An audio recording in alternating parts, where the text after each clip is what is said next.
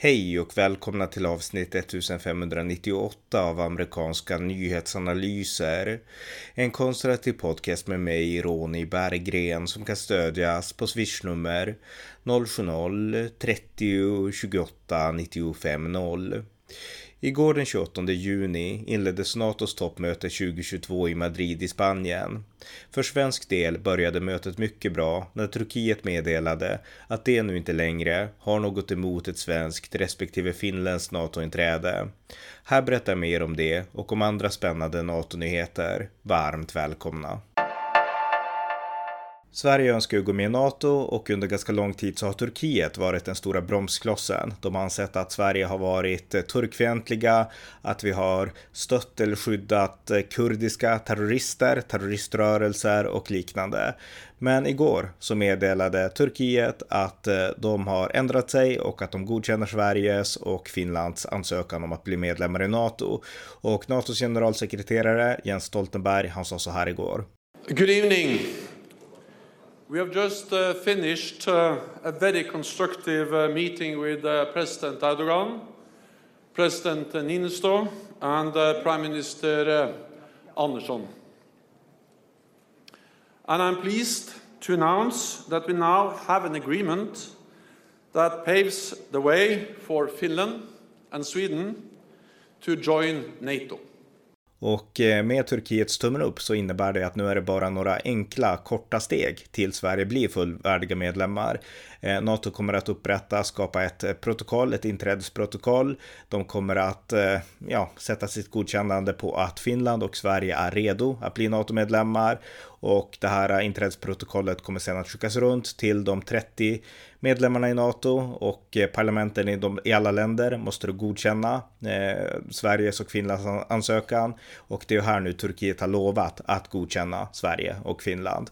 Så att vi får hoppas att turkarna håller ordet och den processen kan ta några månader, upp till sex månader eh, bedöms det.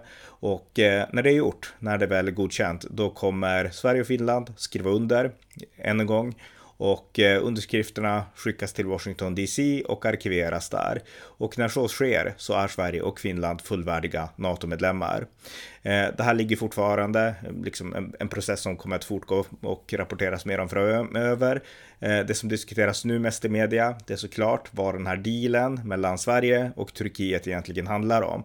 Därför att Turkiet gav ju inte det här gratis, utan de ville ha saker i utbyte. De ville att Sverige skulle utlämna det som Turkiet betecknar som statsminister. Magdalena Andersson, vår statsminister, hon har sagt på SVT att eh, eh, svenska medborgare behöver inte vara oroliga och att även det handlade inte bara om sådana hårda frågor utan även om missförstånd där man tänkte olika på olika sätt och att saker är utrett och sådär.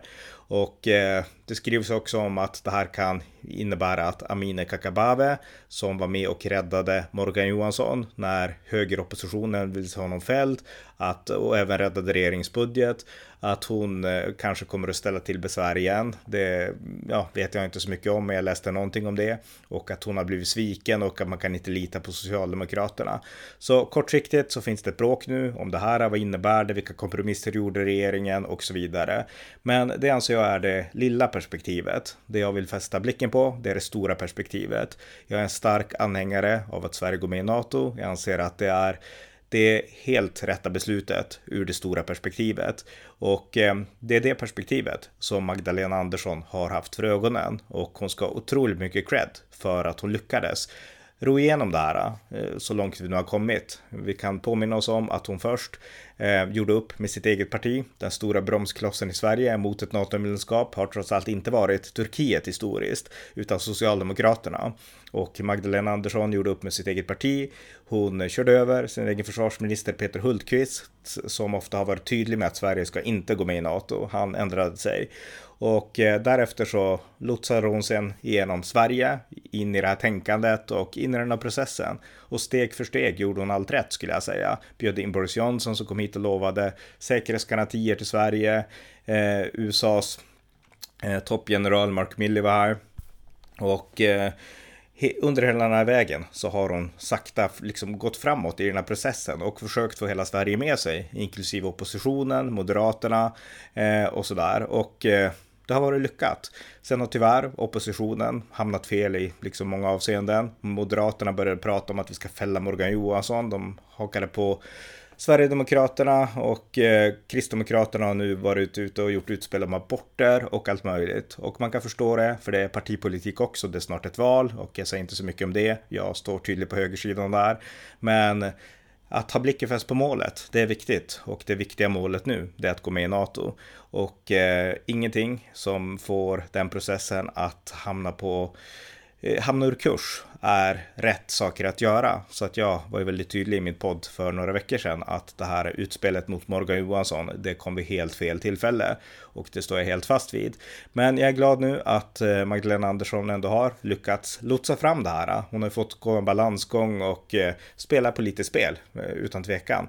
Men hon leder Sverige framåt mot ett NATO-medlemskap och det är otroligt positivt. Det är bra för Sveriges trygghet och säkerhet. Jag håller just nu på att läsa en bok som handlar om andra världskriget, eller handlar om efterspelet av andra världskriget. Den heter det nedtystade kriget när sovjetiska partisaner anföll finska gränsbyar.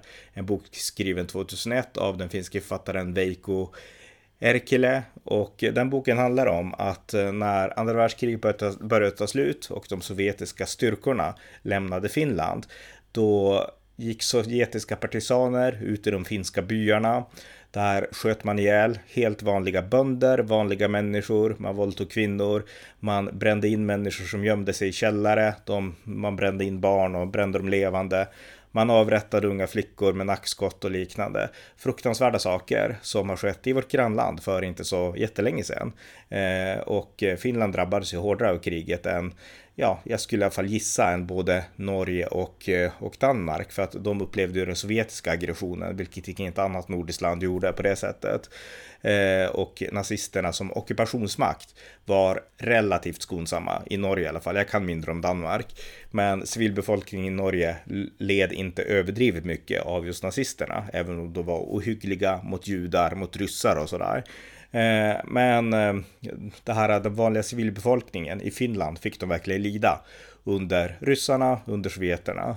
Och eh, att gå med i NATO, det innebär en trygghet för framtiden, för framtida generationer, för att vi ska slippa, slippa uppleva det lidande som man får uppleva om man inte är med i ett militär gemenskap som är starkare än den ryska. Jag menar, det Ukraina upplever nu, det beror på att de inte är med i NATO. Det beror på att de är ensamma, svaga mot en rysk övermakt, medan den här ryska övermakten är betydligt svagare än NATO. Och eh, ja, det enda som Ryssland har mot NATO egentligen är kärnvapen. Men NATO har också kärnvapen. Så att det blir ett balansspel där, där medlemmar i NATO ändå är tryggare än icke-medlemmar är. Och det är viktigt att förstå. Och det är en av orsakerna till att jag förespråkar NATO. Så att jag är väldigt glad över att den här processen har gått framåt. Eh, och just nu så pågår det också ett toppmöte, ett NATO-toppmöte i Madrid. Och eh, Sverige och Finland lär väl hamna ganska högt upp på dagordningen där skulle jag tro.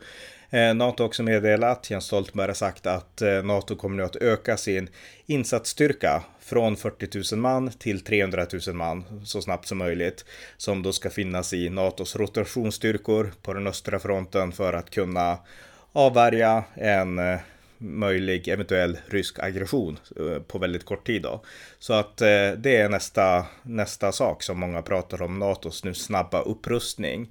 Den förespråkar jag också helt och hållet. Den är positiv. Det är helt nödvändigt att visa Ryssland att eh, styrka avskräcker. Därför att det är det vi inte har förstått hittills. Vi har trott på något sätt att vi kan locka in Ryssland i olika gemenskaper, olika världsgemenskaper, olika organisationers sammanhang. Och eh, hoppas att de ska bli snälla, att den historiska ryska imperialismen ska tämjas, att Putin ska upphöra att vara en diktator om han bara får vara med i alla våra klubbar G 8 som det hette förut innan Ryssland varit utsparkade. Eh, och sådär. Men det har inte hjälpt, utan Ryssland har bara tolkat det som svaghetstecken. Att vi är med för att vi behöver Ryssland och sådär.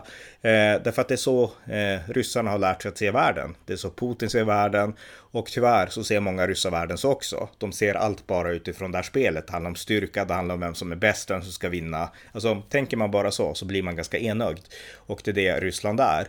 Så att våra goda gester har inte tolkats som goda gester, utan det har tolkats som svaghet. Och det är föreställningen om västsvaghet som har lockat Ryssland att göra som de gör nu i, i Ukraina. Så väst måste lägga om strategin. Det räcker inte längre med saft och bullar till Ryssland utan vi måste sätta hårt mot hårt och visa att det kostar ett pris att attackera väst och att väst är starkare än Ryssland. Så att eh, en NATO-upprustning är helt för och eh, det är mycket glädjande att Sverige blir en del av den gemenskapen. Det här är den stora ödesfrågan för Sverige och regeringen och Magdalena Andersson i synnerhet har lätt i den här frågan. Så återigen en stor eloge till henne för den här eh, ändå ganska besvärliga vägen framåt som hon ändå har lyckats vandra eh, med Sverige och för Sveriges del in i NATO. Stor cred till henne och eh, nu fortsätter processen framåt.